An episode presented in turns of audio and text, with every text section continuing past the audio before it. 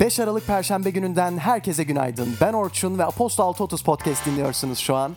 Haftanın bitmesine sayılı günler kaldı ama bundan belki de daha önemlisi şu ki 2018 yılının bitmesine tamı tamına 26 gün var. Bugünün Apostol 630 Podcast'i kulaklarınıza elektrikli şarj ünitelerinin Airbnb'si olarak tanımlayabileceğimiz Blue Dot sponsorluğunda gelmekte. Kendileriyle alakalı daha detaylı bilgiyi e-posta bültenimizde bulabilirsiniz. Her zaman olduğu gibi gündemimiz oldukça kalabalık. O yüzden hız kesmeden günün önemli haberleriyle sizleri baş başa bırakıyorum. Keyifli dinlemeler. Piyasalar, ekonomi. Resmi gazetede yayınlanan karar ile Vakıflar Bankası'nın %58,5'i Hazine ve Maliye Bakanlığı'na devredildi. Merkez Bankası'nın 12 Aralık'ta gerçekleştirdiği para politikaları kurulu toplantısı öncesi JP Morgan ve BNB Paribas beklentilerin altında gelen enflasyonun da desteğiyle 100 bas puan faiz indirimi beklentisi içinde. Çin'de hizmet sektörü satın alma yöneticileri endeksi Kasım ayında 53,5'e yükselerek uzun bir süre sonra Çin ekonomisine yönelik ilk olumlu belirtiyi verdi. Öyle ki Çin tahvillerinde temerrüt miktarı rekor seviyelerde. İş dünyası, şirketler. Google'ın kurucu ortakları Larry Page ve Sergey Brin, çatı şirket Alphabet'in yönetimindeki görevlerinden ayrıldı. 2015'ten beri Google'ın icra kurulu başkanlığını yürüten Sundar Pichai, buradaki görevine devam etmekle beraber Page'in Alphabet'teki CEO rolünü de devralacak. Analistler, Pichai'nin tek başına göreve gelmesinin şirketin stratejik vizyonundaki ikilemleri sonlandırarak şirketi güçlendireceğini öngörüyor. Ford, McDonald's'la işbirliğine giderek iklim değişikliğiyle mücadelede yenilikçi bir adım atıyor. ABD'li üretici bu yıl başlayacağını duyurduğu proje kapsamında McDonald's'ın kahve çekirdeği atıklarını plastiğe dönüştürecek ve bu malzemeyi çeşitli otomobil parçalarında kullanacak. Bu yöntemin üretilen parçaları %20 hafifleteceği ve bu sayede araçların yakıt verimliliğinin artacağı belirtiliyor. İtalyan bankacılık ve finansal hizmetler şirketi Unicredit, 2020-2023 stratejik planı kapsamında yatırımcı gelirlerini iyileştirmek amacıyla 2 milyar avroluk hisse geri alımı yapacağını açıkladı. Yavaş ekonomik büyüme ve negatif faiz ortamında hedeflediği büyümeyi yakalamakta zorlanan şirket, maliyetlerini azaltmak için yaklaşık 8 bin çalışanını da işten çıkartacak. Unicredit ve Koç Holding'e bağlı Yapı Kredi Bankası arasındaki ortaklık sözleşmesi geçtiğimiz cumartesi feshedilmişti. Teknoloji Startup Google, Google Photos uygulamasına sohbet fonksiyonu eklediğini duyurdu. Yeni gelen güncelleme ile kullanıcılar, uygulama içinde bir sohbet uygulaması arayüzüyle birbirleriyle fotoğraf ve video paylaşabilecekler. ABD hükümetine bağlı internet kuruluşu FirstNet ve telekomünikasyon şirketi AT&T, afet bölgeleri için kablosuz internet sağlayacak bir zeplin üzerinde çalıştıklarını belirtti.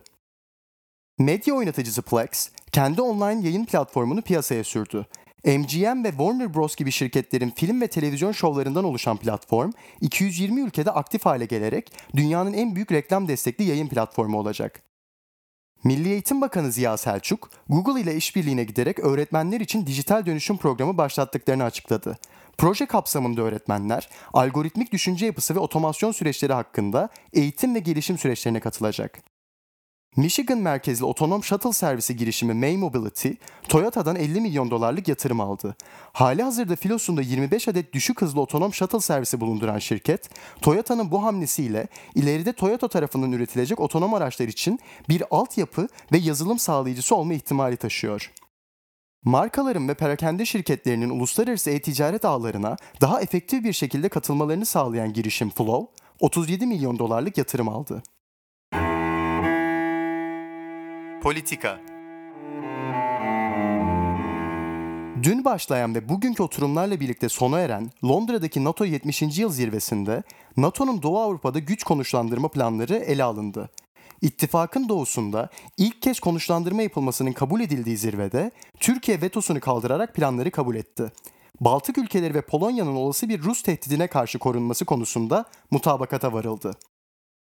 2001-2016 yılları arasında AK Parti'nin reklam danışmanı olarak birçok kampanyayı tasarlayan, yürüten ve 2016 yılındaki darbe girişiminde hayatını kaybeden Erol Olçok'un eşi Nihal Olçok, eski Başbakan Ahmet Davutoğlu'nun parti çalışmaları için organize ettiği Abant kampına katıldı.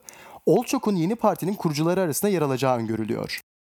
ABD Dışişleri Bakanı Mike Pompeo, Twitter'dan yaptığı açıklamayla Amerika Birleşik Devletleri ve Sudan'ın 23 yıl aradan sonra ilk kez karşılıklı büyükelçi atama girişimi başlattıklarını duyurdu.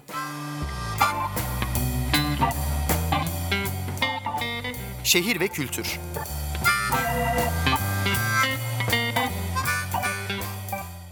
...1984 yılından beri İngiltere'deki Tate Müzesi tarafından verilen Turner ödülü...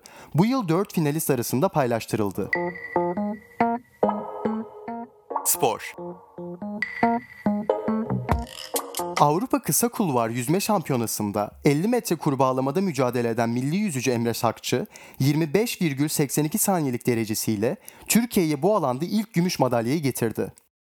UEFA Başkanı Alexander Cefer'in video asistan hakemin uygulamasından memnun olmadığını açıkladı. Birçok soruna rağmen bunun geri dönüşü olmadığını ve bazı iyileştirmeler konusunda Hakem Departmanı ve Uluslararası Futbol Birliği kuruluyla konuşacaklarını söyledi.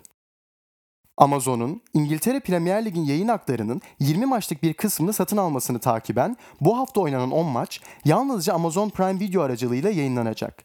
Bu maçlar dışında Noel'de yayınlanan Boxing Day maçları da yalnızca bu platformda yer alacak. İki kez dünya şampiyonu Fernando Alonso, 2021 yılında Formula 1'e geri dönmenin seçenekleri arasında olduğunu söyledi. Sky Sports'tan Martin Brundle'a göre Alonso'nun döneceği takım büyük olasılıkla Renault olacak. 37 yaşındaki pilot son olarak 2018'de McLaren takımıyla yarışmış ve sezonu 11. sırada tamamlamıştı. Dünün öne çıkan karşılaşmaları şu şekilde. Eczacıbaşı Vitra 3, Itambe Minas 0, Denver Nuggets 96, Los Angeles Lakers 105, Galatasaray 0, Tuzla Spor 2. Günün yani bugünün öne çıkan karşılaşmaları ise Igor Gorgonzola Novara, Vakıfbank.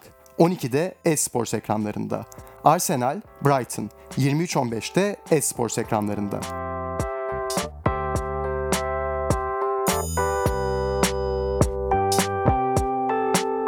5 Aralık Perşembe gününün gündeminin sonuna geldik. Ben Orçun ve Aposto 6.30 podcast dinlediniz. Yarın yani 6 Aralık Cuma günü saatler 6.30'u gösterdiğinde hafta içi her gün olduğu gibi sizlerle olacağım. Kendinize iyi bakın ve mutlu bir gün geçirmeyi eksik etmeyin. Görüşmek üzere.